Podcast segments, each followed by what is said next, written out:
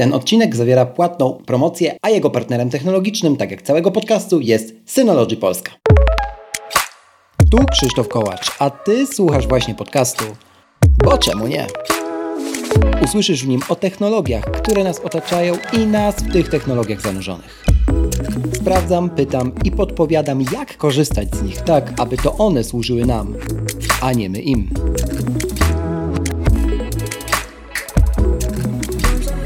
Dzisiejszym odcinku odpowiadam na Wasze pytania, następnie opowiadam o sprzętowych zmianach w moim setupie, aż w końcu odnoszę się do wyników finansowych Apple oraz do informacji o premierze Final Cut'a i Logic na iPad OS. Zostaw opinię na Apple Podcast lub na Spotify. Twój głos ma znaczenie. Zaczynamy!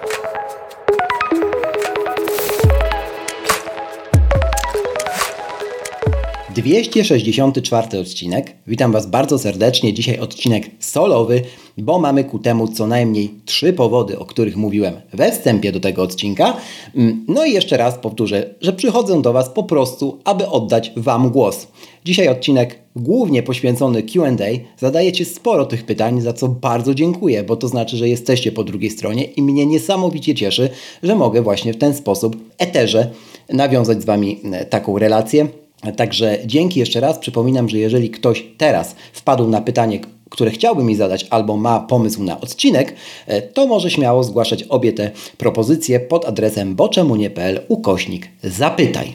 Zatem, zanim przejdziemy do QA, jeszcze o tym krótko co czeka Ciebie w tym odcinku. Oprócz tego mm, chciałbym dzisiaj powiedzieć o zmianach w moim sprzętowym setupie, bo obiecałem Wam to e, w jednym z odcinków e, w tym roku. Jeżeli coś się zmieni, to na pewno nagram o tym odcinek. No i właśnie to jest tego typu odcinek, e, też między innymi. Mm, I prosiliście, a więc chcę się również odnieść do wyników finansowych Apple za drugi kwartał fiskalny 2023 roku oraz do informacji no właśnie, która wstrząsnęła naszą technologiczną bańką Apple'ową w Polsce i od niej właśnie zaczynamy.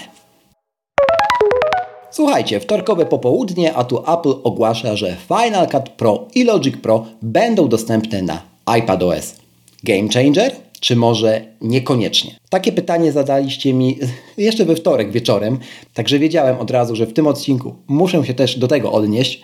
Zatem słuchajcie, w przypadku Maca możemy mówić o kupnie licencji, drogiej licencji, nie mówię, że to jest tanie, bo to prawie 1500 zł, na Final Cut Pro raz kupujemy, zapominamy, mamy według niektórych najlepszy program do montażu e, wideo e, na świecie.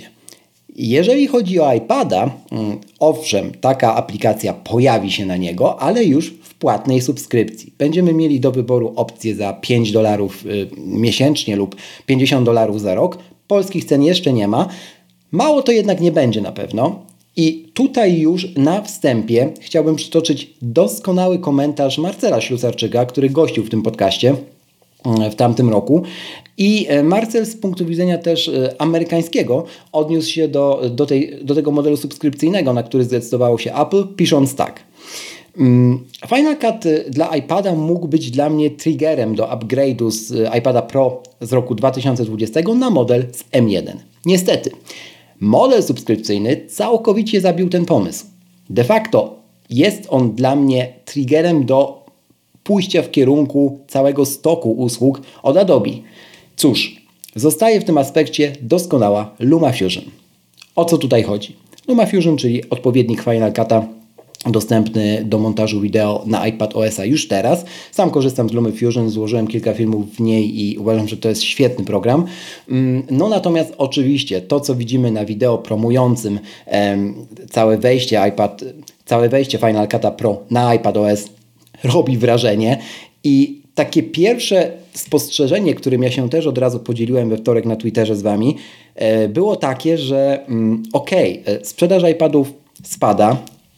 De facto nie wiemy, czy Apple nadal zamierza utrzymać retorykę what is computer, tak? czyli co jest komputerem, czy e, nadal zamierza rozwijać iPad OS-a jako iPad OS-a i nie zrobić nigdy migracji z macOS-em. Jeżeli tak, no to rzeczywiście, mówiłem Wam wiele razy w poprzednich odcinkach i to wielu odcinkach, że nie rozumiem po co iPadom procesory M1 i M2, iPadom Pro, e, zresztą R również ma M1 przecież, no i już wiem po co. No, tak jak sugerowałem wówczas, mówiąc to, że gdybyśmy mieli te właśnie dwie aplikacje, czyli Logica i, i Final Cut Pro dla tych super profesjonalistów, którzy z tego korzystają, to może, był, może moje zdanie byłoby inne. No i w końcu je mamy.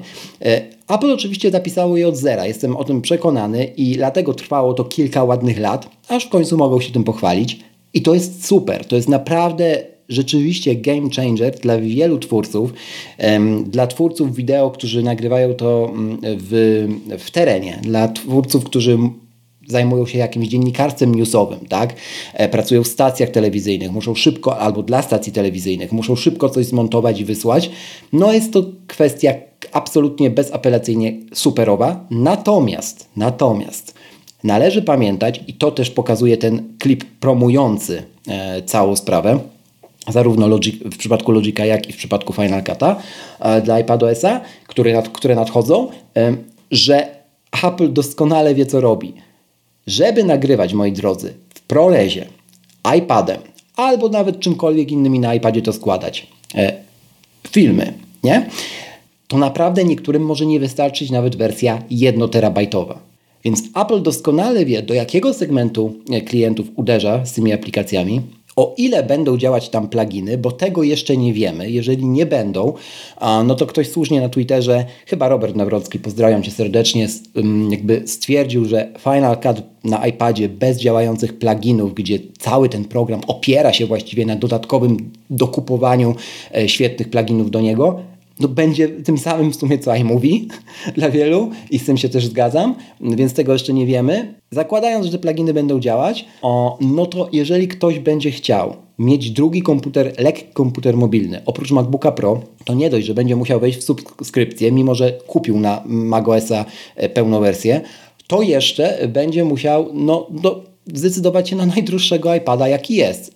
I ta cena tego iPada może przewyższyć cenę podstawowej konfiguracji MacBooka Pro. Jasne, ktoś zaraz się odezwie, że a, nikt nie montuje na podstawowej konfiguracji. Dobrze, przyznaję, oddaję e, jakby e, tutaj e, godność, ale jakby słuchajcie, no jest to trochę kuriozalne, nie? I no nie, jestem przekonany, że wielu zwolenników to ten Final Cut i Logic na iPad OS-a tak z marszu nie dostanie w Europie, bo w USA to będzie totalny sztos. Czy to jest zatem game changer? Jeszcze raz pytam sam siebie. W waszym imieniu oczywiście. Myślę, że mimo wszystko tak. Bo Apple pokazuje, że iPadOS jako platforma nie umarła i że oni w nią inwestują i że będą robić tego jeszcze więcej. Jeszcze więcej tych profesjonalnych aplikacji. E, no i to jest jakiś taki dobry prognostyk. Ja się z tego bardzo ucieszyłem. I mały jeszcze taki disclaimer. Słuchajcie, jeżeli tak ważną rzecz z punktu widzenia no właśnie rynku pro Apple ogłasza jako informacja prasowa we wtorek, e, tam 9 maja, to strach się bać, co będzie na WWDC, mm, zwłaszcza, że nie będziemy mieli już do WWDC raczej żadnej konferencji produktowej, nie? E, ciekawy rok. Ciekawy rok, jeszcze raz to powtórzę. A propos produktów, e, pojawił się również, w sensie został zapowiedziany, e, pasek Pride Edition dla, dla tego roku, wersja 2023. Będzie to pasek sportowy, taki zwykły, klasyczny, jak pamiętamy z pierwszych wersji Apple Watcha, w cenie oczywiście 249 zł. Pojawi się w sklepie 24 maja. Moje zdanie jako kolekcjonera tych pasków, jak pewnie większość z Was wie, E, jest takie, że jest to e, drugi najładniejszy pasek, jaki Apple wyprodukowało zaraz po wersji Pride'owej 2021, tej plecionej, którą mam i którą uwielbiam. E, także myślę, że rozejdzie się to na pniu. Także jeżeli chcecie sobie w ogóle kupić tego 24 ten pasek, no to jakkolwiek to dziwnie nie brzmi, radzę siedzieć z telefonem w łapie, bo myślę, że cały stok, jaki przyjedzie do Polski, może się rozejść coś w około mniej niż pół godziny. Tak obstawiam. Zobaczymy, czy się pomylę. W przyszłym tygodniu pojawi się również update do WatchOS 9.5 i iOS, iPadOS 16.5 oraz macOS bodajże 13.4. Mm, one już dostały wersję Release Candidate, a w przyszłym tygodniu pojawią się na naszych urządzeniach, między innymi po to, żeby były dostępne w ramach tych systemów też y, w ramach iOS-a tapeta y, pasująca do tego paska właśnie, który y, nadchodzi i e, tarcza dla Apple Watcha. Swoją drogą również bardzo, bardzo e, ładna. E, to tak kronik, z kronikarskiego obowiązku Wam mówię, bo jak ostatnio tweetnąłem, że w w jednym ze sklepów są paski taniej do Apple Watcha z poprzednich lat, tam roczniki 2017 do 2019, to polubiliście, to było tyle polubień tego tweeta na, na, na Twitterze właśnie, że ja się zastanawiam, czy ja nie, nie powinienem być przekazywaczem dobrych nowin na temat promocji na Apple'owe sprzęty, bo to było coś niesamowitego, co, co tam się e, działo pod tym, pod tym postem. Widać, nie tylko ja się tym interesuję, to też zawsze jest e, pocieszające. Dobrze, słuchajcie kochani, przechodzimy do Q&A. A w QA dzisiaj mamy dosyć sporo e, pytań o w ogóle ekosystem Synology. Dlatego też Powiedziałem Wam na początku, że odcinek e, będzie e, właśnie zawierał płatną promocję, no bo będę o tych rozwiązaniach też tutaj mówił, odpowiadając na pytania między innymi, między innymi Rafała, Bartka czy Asi. Więc zaczynając od kobiet, Asiu, bardzo dziękuję w ogóle, że zadałaś pytanie w formularzu. To super wiedzieć, że jakby statystyka statystyką, ale to rzeczywiście pokrywa się z, ze stanem faktycznym. Miło, że słuchasz. I już mówię o co e, pytasz. Krzysztof. Jestem tu nowa, ale spodobał mi się podcast i Twoje podejście do technologii. E, też jestem gadżeciarą i przychodzę z pytaniem dość prozaicznym, ale dla mnie ważnym. Zastanawiam się nad Synology Disk Station i w sumie nie wiem, po co mi model z plusem. Ten podstawowy nie wystarczy? Asiu droga, na pewno nie chciałbym polecać tego najtańszego modelu, czyli DS120J, który ma jedną kieszeń, z prostego powodu. Nie będziesz miała wtedy lustrzanego backupu, czyli nie zrobisz po prostu sobie rajda, tak, z dwoma dyskami. Jasne, będzie to wydatek mniejszy, no bo kupisz po pierwsze jeden dysk, po drugie tańszą, yy, tańszy disk station, najtańsze, ale ma to też swoje ograniczenia.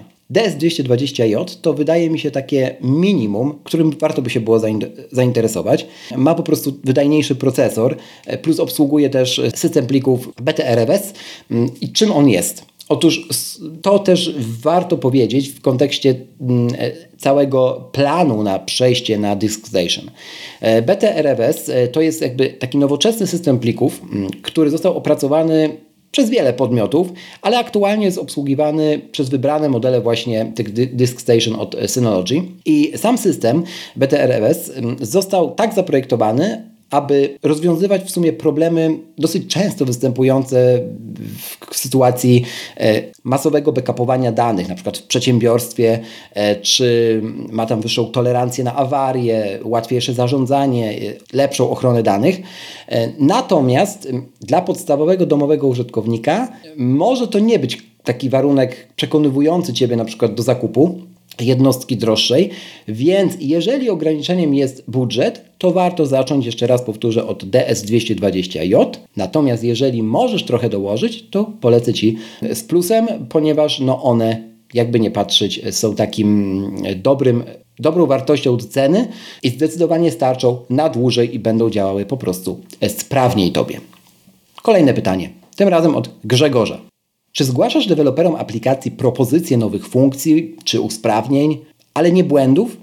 Je jeżeli tak, to podaj proszę przykład najfajniejszej wdrożonej dzięki temu poprawki i lub najfajniejszej odpowiedzi, jak się domyślam ze strony deweloperów. Grześku, jasne, że zgłaszam. I staram się robić to za każdym razem, choć, co jest oczywiste, często brakuje na to czasu. Natomiast jeżeli pytasz mnie, czy warto to robić, jako osoba pracująca kilka lat ładnych w branży IT w software house'ach odpowiem tak, warto. Pytasz o przykład. Kiedyś poprosiłem pewnego dewelopera o to, aby dodał ikonkę do aplikacji nawiązującą stylistyką do starego interfejsu Aqua znanego z czasów pierwszego iPhone'a. Pierdoła. Ale bardzo się zaskoczyłem, kiedy to się pojawiło w końcu w jednej z aktualizacji. E, bardziej poważny przykład to zgłoszenie braku maskowania hasła w aplikacji bankowej, które wysłałem jakoś kilka minut po wydaniu dosyć takiej wadliwej aktualizacji tej aplikacji.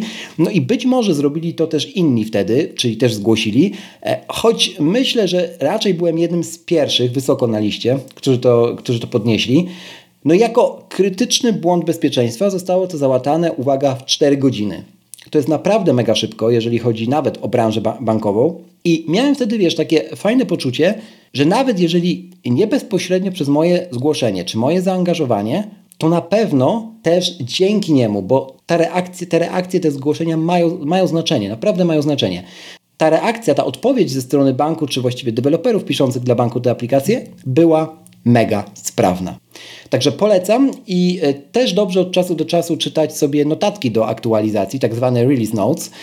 Są nawet osoby, które zajmują się w firmach tylko tym, pisaniem po prostu, jeżeli firma robi dużo aplikacji, no to jakby dużo aktualizacji do nich wychodzi, mm, e, pisaniem tylko tych release notes i e, jakby firmy, które mają więcej odwagi, bardzo często potrafią tam imiennie nawet dziękować za jakieś ważne zgłoszenia, albo wiesz, wklejać śmieszne wiersze. Różnie bywa ale czasem można się pośmiać, a czasem zobaczyć, że osoba pisząca potrafi w kreatywny sposób przekazać fakty, plus y, właśnie jest tam też y, człowiek, a nie jakiś robot, który listuje tylko w bullet pointach y, jakby kolejne zmiany w aktualizacji, no i nie ma tam tego pierwiastka człowieka. Także jakby Warto, zdecydowanie grzechu warto, rób to.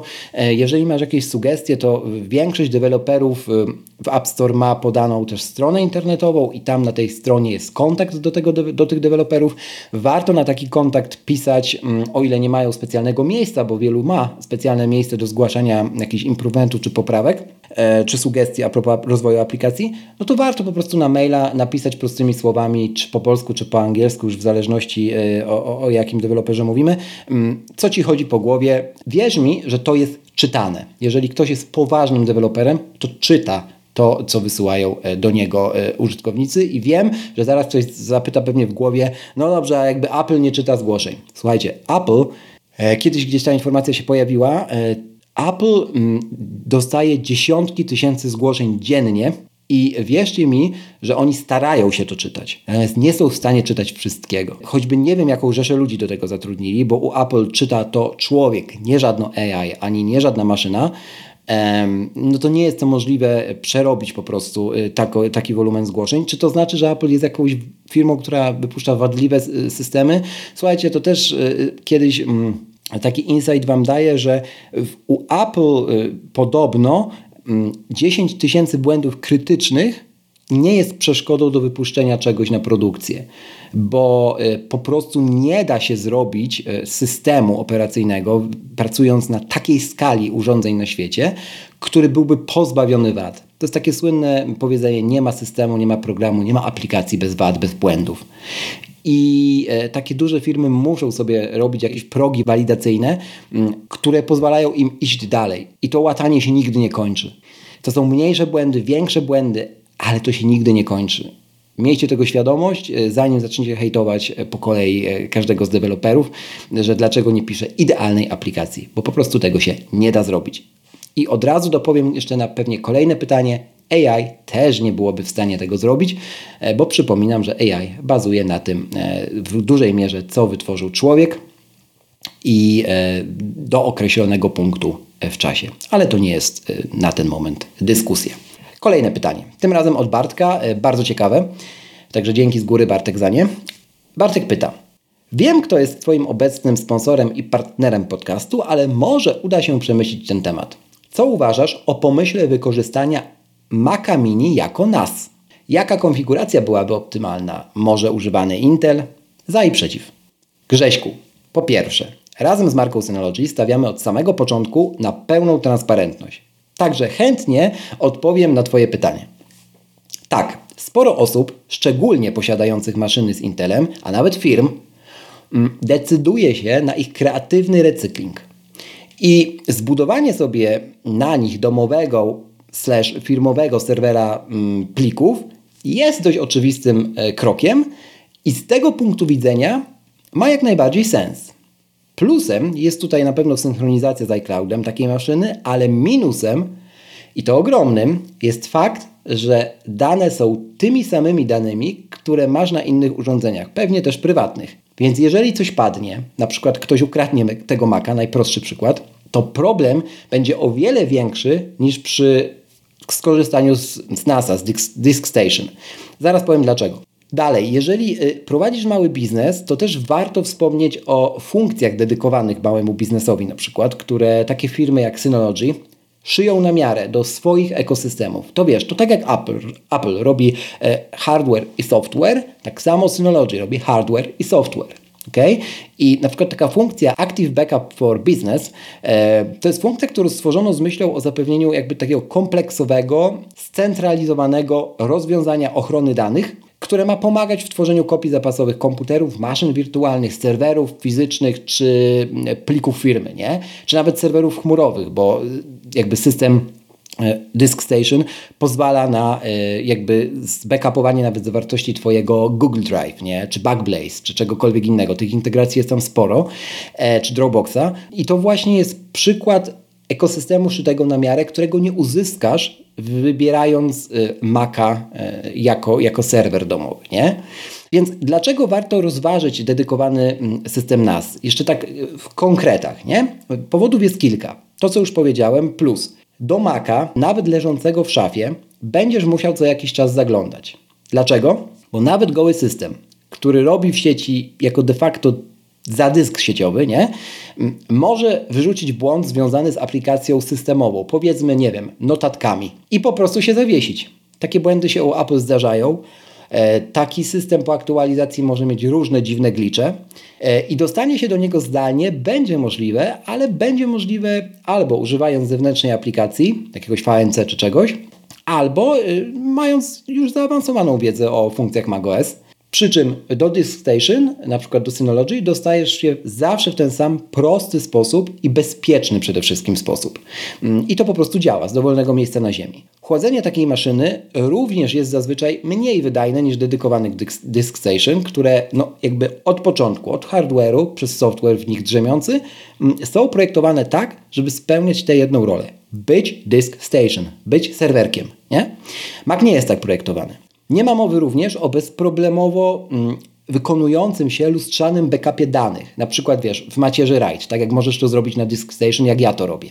Jasne, ktoś powie, możesz po USB-C podpiąć dysk SSD do Maca Mini i postawić tam kolejkę czynności w Carbon Copy Clonerze chociażby, ale z doświadczenia powiem Ci, i to wieloletniego, powiem Ci, że nie będzie to kuloodporne rozwiązanie i będzie bardzo upierdliwe. Sam musisz zadbać o bezpieczeństwo takiego domowego serwera serwera, o wszystko, co się na nim dzieje. W przypadku Synology kupujesz hardware i software, jeszcze raz to powtórzę, który jest tak napisany, żeby był bezpieczny, żeby był e, bezangażujący, czyli żeby Ciebie nie angażować, żebyś wiedział, że te systemy bezpieczeństwa też tak są skonfigurowane i tak są napisane, żeby zapewniać kuloodporność trochę tych danych, które przechowujesz na nasie. Nie? I e, wygodny dostęp do tego, jak sobie doliczysz, to można powiedzieć, że takiemu rozwiązaniu bliżej jest mi do stwierdzenia, że dałbym mu jakieś 100% zaufania, chociaż żadnemu tak naprawdę nie dałbym 100%, mm, niż że, że dałbym to w przypadku Maca Mini, zwłaszcza jeżeli nie jestem e, pro-userem, który potrafi sobie te systemy bezpieczeństwa na Macu jeszcze tak skonfigurować, żeby przypominały chociaż te dedykowane e, rozwiązania nasowe. Także ja poszedłbym, poszedłbym w NASA. E, dlaczego? Myślę, że tutaj powiedziałem w konkretach, ale oczywiście należy decyzja do Ciebie. Daj w ogóle znać, na co się zdecydowałeś. Rafał, na sam koniec. Hej Krzysiek, czy można rozdzielić biblioteki zdjęć, których kopię zapasową będę potencjalnie robił w Synology Photos? W sensie tak, abym widział to, co jest moje, a co jest z rodziny i tak dalej.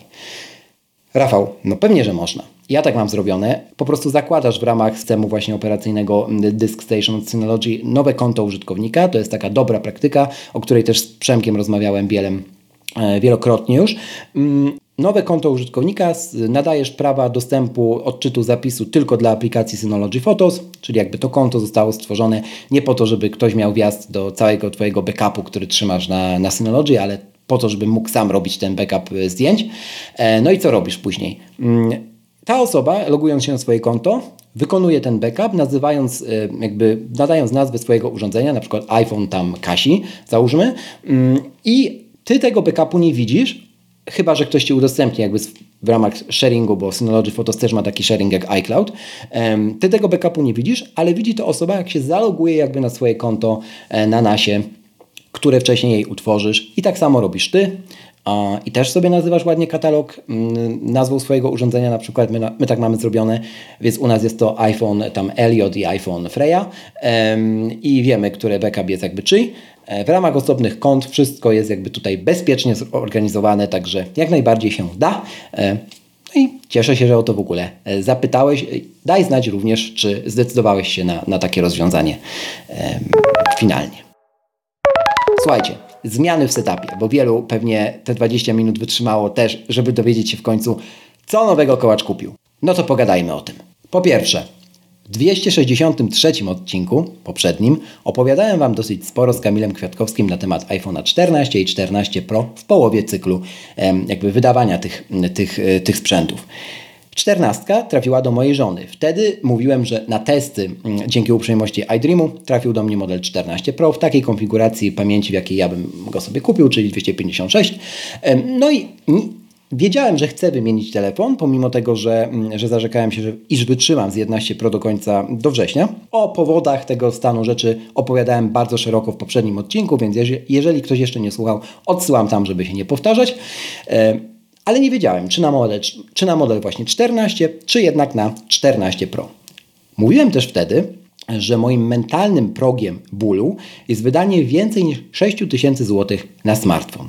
Udało się zatrzymać na tej granicy i ten aspekt finansowy był głównym powodem ku temu, że wymieniłem swój telefon na model 14 Pro o pamięci 256 GB w odcieniu Deep Purple. Takim odcieniu, który zaraz po premierze przypadł mi do gustu. No więc z kronikarskiego obowiązku odnotowuję, że tak, zmieniłem smartfon. E, I dlaczego nie czekałem na USB-C? Dlaczego uważam, że niekoniecznie warto na nie czekać? To wszystko było omawiane szeroko w 263 poprzednim odcinku, więc tam Ciebie odsyłam. E, głównym argumentem dla mnie była, mówię, ostatecznie cena. Dodatkowo model 11 Pro znowu bardzo dobrze się zamortyzował w czasie. Sprzedałem go za bardzo dobrą kwotę i e, trafił w dobre ręce. Przy okazji w ręce Kacpra, któremu służy, mm, myślę, że posłuży jeszcze ze dwa lata, jako pierwszy jego iPhone w życiu. I e, oczywiście po wymianie baterii na oryginalną odejmując wszystkie możliwe koszty, e, które mogłem odjąć, e, tak naprawdę w maju 2023 roku e, ta wymiana wyszła mnie realnie netto 2000 zł, więc dużo, dużo, dużo mniej niż, niż gdybym poczekał do września i 15 kupował, no wtedy zaraz po premierze za pełną kwotę, na pewno grubo ponad 7000 zł, jak nie ponad 7500, tysiąca, bo przypominam, że mają jeszcze te 15 podrożeć a i tak nie realizowałbym scenariusza pozbywamy się z domu mm, wszystkiego, co ma Lightning, o, dla, o czym opowiadałem w poprzednim odcinku, więc y, nie żałuję tej decyzji. E, a o samym e, telefonie, co mogę Wam powiedzieć? Słuchajcie, taki główny wniosek jest następujący. Ja nie żałuję tego, że nie zmieniam często, na przykład co roku, iPhone'ów. Bo ten moment, kiedy przesiadam się z kilku generacji wstecz na coś nowego i dostaję nie tylko, mm, nie wiem, 4 megapiksele więcej w aparacie, czego nie zauważy absolutnie nikt, kto nie jest profesjonalnym fotografem, tylko dostaję always on, lepsze aparaty, nawet fizycznie, wiecie, większy sensor, nie? Mm, baterię y, lepszą y, i kolor, który sprawia mi frajdę. No, ja zawsze powtarzam, że jakby telefon ma sprawiać też frajdę, to, no, to jest coś pięknego. Ja mam wrażenie, że e, Apple zrobiło mm, ogromny postęp, podczas gdy osoby wymieniające smartfony co roku, wielu moich znajomych tak robi, e, no, są w tym jakby obozie, który mówi, zresztą słusznie, bo taki krótki cykl zmiany nie pozwala tego zauważyć, Y, że wszystko stoi w miejscu. Nie? Ja nie mam takiego wrażenia i naprawdę jest to super. Z takich y, ciekawych rzeczy, które zauważyłem, to mm, fakt, iż raz poświęcony czas na te wszystkie moje tryby fokus czy, czy automatyzację działa zawsze. Działa nawet kiedy przeniesiecie się na nowy smartfon. Tak? Miałem taki y, shortcut zrobiony, który na Apple Watchu wyłącza tam po 18 always on, żeby już oszczędzać do końca baterię dnia. Zresztą on jest niepotrzebny po 18 ten ekran Always On i ten sam shortcut zadziałał również na iPhone'ie, kiedy pojawił się iPhone obsługujący Always On. Wszystko zadziało się automatycznie, wszystko się przeniosło. Mm, no i bateria. To jest dla mnie też szok. E, w 263 odcinku mówiłem o baterii mojej żony, która starcza jej no, aktualnie na naprawdę dwa dni i to mocno korzysta z tego urządzenia, z iPhone'a 14, a ja e, wyciągam półtorej dnia z 14 Pro, co też e, jest dziwne dla wielu moich znajomych, ale znowu wrócę do tego, co powtarzam często. Dzięki automatyzacjom, dzięki shortcutsom i dzięki takiemu skonfigurowaniu całego systemu czy ekosystemu, bo to też powiadomienia, bo to też rzeczy, które synchronizują się z Apple Watchem e, i tak dalej, i tak dalej. Mm, jest to możliwe. Zrobiłem to raz, kilka lat temu, e, teraz zmieniam maszynę i okazuje się, że to wszystko dalej spełnia swoje zadanie, działa jeszcze lepiej niż działało. Także jestem przeszczęśliwy, jeżeli chodzi o, o baterię. Tak samo o MagSafe, który już chwaliłem w poprzednim odcinku. Bardzo mi się podoba ten standard i gorąco go Wam rekomenduję, mimo że jest wolniejszy niż USB-C, czy jakiekolwiek ładowanie po kablu, to y, no jest taki Apple'owy, nie? W sensie to, że ten telefon jest dociągany magnesem i on sobie po prostu może wisieć na jakiejś ładowarce. Nie potrzeba do tego żadnego dodatkowego celowania, tak jak w przypadku standardu Qi e, ładowania indukcyjnego jest, e, żeby się, wie, wiecie, jakby cewki zgodziły i żeby to się w ogóle zaczęło ładować. Nie trzeba podłączać niczego, to po prostu się dzieje samo. Rewelacja. Ja jestem za, zachwycony zmianą i ym, temu, że jakby zaufałem sobie, podjąłem decyzję, która ym, sprawia mi frajdę. O to chodzi w elektronice. Jeżeli już możemy sobie na nią finansowo pozwolić, to niech ona nam chociaż sprawia frajdę. Druga zmiana w setupie, bo to nie koniec. Doszedł mi taki lokalny dysk SSD od Samsunga. Jest to Portable SSD T7, 2 terabajtowy z USB-C oczywiście na potrzeby backupów urządzeń naszych. I dlaczego nie robię tego na NASie, ktoś się zapyta. Ja sobie NASA nie wezmę ze sobą pod pachę e, na drugi koniec świata, a e, robiąc to przez sieć VPN-a e, i, i, i jeszcze LTE pewnie po drodze, no to nie chciałbym tego tak robić. Więc SSD, małe SSD wielkości karty kredytowej, które biorę mm, zawsze ze sobą i są tam te backupy lokalne wszystkich urządzeń naszych. E, w razie gdyby te, telefon został skradziony, czy, czy uszkodzony, czy cokolwiek by się z nim stało, to ja biorąc pod uwagę szybkość SSD jestem w stanie w kilka minut, kilkadziesiąt maksymalnie e, odtworzyć całego iPhone'a do stanu poprzedniego backupu i jest to fenomenalne dla mnie. Korzystamy z tego SSD tylko do tego i no taka nowość się pojawiła, to odnotowuję z kronikalskiego również e, obowiązku. Polecam w ogóle ten dysk, kapitalna szybkość i cena również tego dysku jest y, no, mega. Teraz można na przykład w niektórych elektromarketach coś za około chyba 600 zł znaleźć. Także taka nowość. Y, no y, i jeszcze przy okazji mm, tej wymiany mm, telefonu chciałbym podsumować, mm, co się stało, kiedy zmieniliśmy dwa telefony w domostwie. Ja przeszedłem na NASA, pozbyliśmy się starych dysków HDD, których było za dużo w ogóle I, I, jakby co zostałem w szafach, nie? Duży tekst na ten temat znajdziecie w kolejnym wydaniu iMagazine zresztą. E, a teraz w skrócie. Po przejrzeniu szuflad, po odpięciu wszystkiego, co nie było mi potrzebne, bo w końcu mam zrobiony setup tak, że wszystko, co jest mi potrzebne do nagrywania oraz egzystencji cyfrowej, e, mogę podpiąć do mojego Studio Display i nawet jeden port zostaje jeszcze wolny, a do MacBooka Pro mam podpięty jeden przewód i to jest przewód łączący go ze Studio Display. Jest to wspaniały moment, kiedy mogłem to osiągnąć e, dla mnie mm, jako estety. No ale co się z tym wiąże? Zobaczyłem, co mi zatem zostało, w sensie jaki, jakiego balastu się pozbyłem, balastu przewodów czy różnych niepotrzebnych rzeczy. Ja Wam go teraz tylko przeczytam, bo sobie listę zrobiłem na potrzeby e, felietonu, który ukaże się właśnie w czerwcowym iMagu. No więc po zrobieniu tych dwóch kroków pozbyłem się czy to odnosząc do elektrośmieci, czy e, rozdając po prostu znajomym, e, czy, czy, czy sprzedając część tych rzeczy.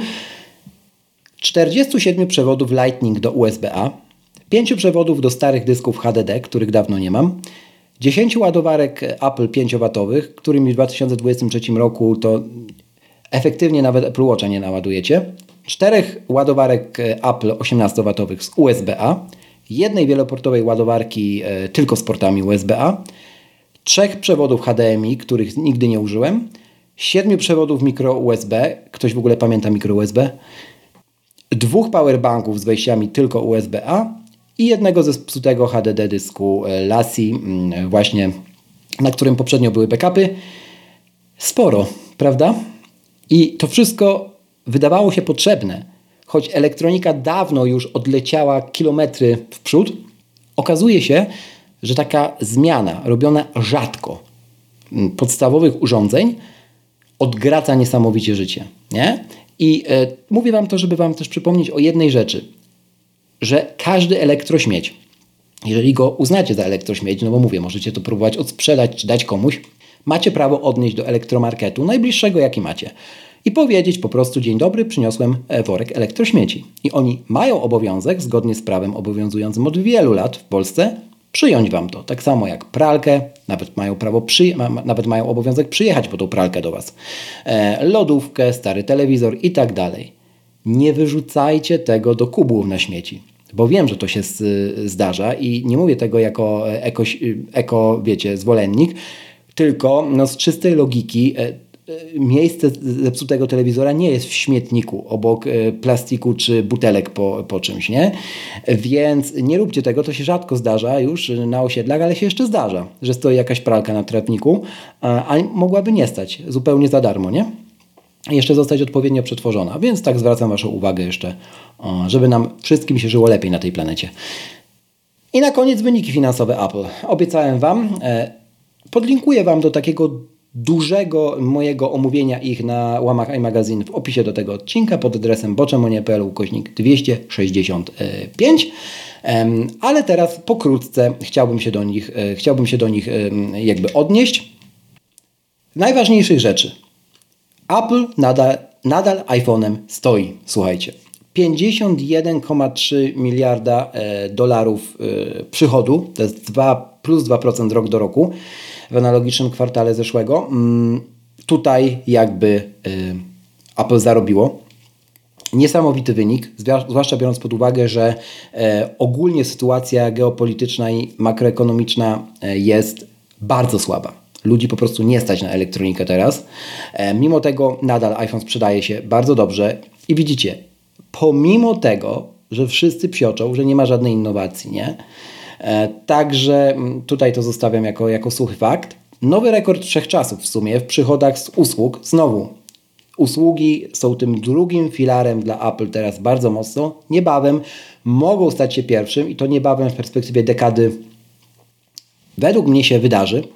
20,9 miliarda dolarów przychodu, niesamowite. E, no i to, co najbardziej się odbiło echem polskich mediach e, technologicznych, czyli znaczący i pogłębiający się, co ważne, spadek sprzedaży komputerów Mac z 10,4 miliarda USD przychodu do 7,2 miliarda mm, przychodu. To jest ponad 30% e, spadku rok do roku i e, to nie jest tak, że Apple zabija Maca, słuchajcie. To jest to, co ja powtarzam od dłuższego czasu. Apple po prostu musiało przejść na swoją architekturę, tylko że zrobiło za mocne procesory, nie? W sensie to dobrze, że tak się wydarzyło. Ja też jestem ze swojego M1 Pro zadowolony, no ale wypuszczając potem M2, który był tam minimalnie szybszy, no nie ma co oczekiwać. Jeszcze był w ogóle spóźniony, bo pojawił się po nowym roku, a nie wtedy, kiedy go o, o, oczekiwano ze względu na problemy w Chinach e, z produkcją półprzewodników. No, no nie ma co oczekiwać, że ludzie pobiegną w takiej sytuacji geopolitycznej do sklepów i e, wydadzą na komputer, który jest 15 czy 20% szybszy od poprzedniego, nie będąc po prostu jednymi z najlepiej dochodowych deweloperów na świecie, e, kilkadziesiąt tysięcy dolarów czy, czy, czy złotych, bo to się nie wydarzy, nie? Na logikę. Więc e, czasowo ten spadek e, przychodów z Maka musi zanurkować na dnie, nie? I jeszcze tam sporo spadnie e, w tym nadchodzącym kwartale.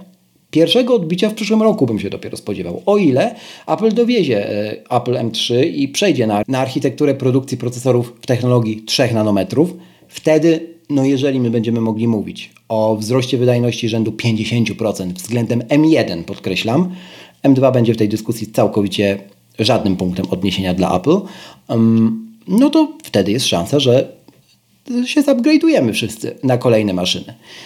E, z ciekawszych jeszcze rzeczy mm, odniosę się jeszcze do tego, co mówił mm, Michał Pisarski w jednym ze swoich filmów na YouTubie, że iPhony kiedyś muszą potanieć. Kiedyś tak. Te wyniki finansowe dobitnie to nam pokazują, że usługi rosną, stają się drugim solidnym filarem e, Apple, przychodów Apple, E, tylko żeby te usługi urosły jeszcze bardziej, uniezależniły od iPhone'a jeszcze bardziej Apple, to y, tych early adapterów, ludzi, którzy prawdopodobnie przyjdą po swój pierwszy sprzęt Apple i na 90% będzie to iPhone, e, pewnie w zestawie z Apple Watchem czy AirPodsami, to no jakby trzeba tych ludzi przekonać czymś, a nie przekona ich Apple w najbliższych latach niczym innym, jak wypuszczeniem albo dobrze skrojonego, tylko jeszcze raz podkreślę, dobrze skrojonego nowego modelu SE, tańszego modelu iPhone'a, czyli najtańszego iPhone'a, ale dającego dużo takim nowym użytkownikom, albo obniżeniu e, cen modeli podstawowych. Modele Pro nie potanieją, to nawet nie ma o czym mówić. E, jeszcze jak zobaczymy modele Ultra, to w ogóle iPhone przebije spokojnie w Polsce granicę 10 tysięcy złotych, natomiast podstawowe modele, jeżeli potanieją i Apple utrzyma wzrost y, z segmentu usług, to będziemy jeszcze obserwowali jedną znaczącą zmianę modelu biznesowego tej firmy, mm, no na pewno za mojego i waszego życia. To jestem o tym przekonany. Ja nie mam więcej nic do dodania, jeżeli chodzi o te usługi, y, jeżeli chodzi o wyniki finansowe Apple, mm, bo tu nie, nie ma się nad czym rozwodzić więcej, słuchajcie.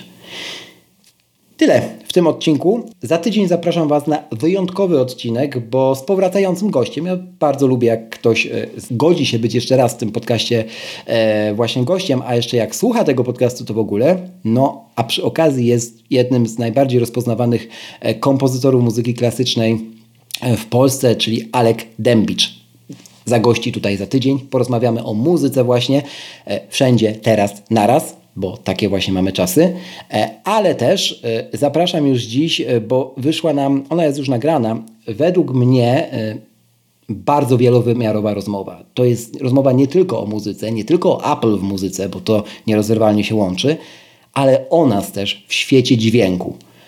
Myślę, że będzie warto poczekać do przyszłego piątku. Jeszcze raz gorąco zachęcam. I cóż, dziękuję Wam za uwagę, za dziś. Dajcie w ogóle znać, co sądzicie o tym odcinku i śmiało piszcie jeszcze, o co chcielibyście zapytać, korzystając z wygodnego formularza, który znajdziecie na boczemunie.pl ukośnik zapytaj. Do następnego razu. Trzymajcie się.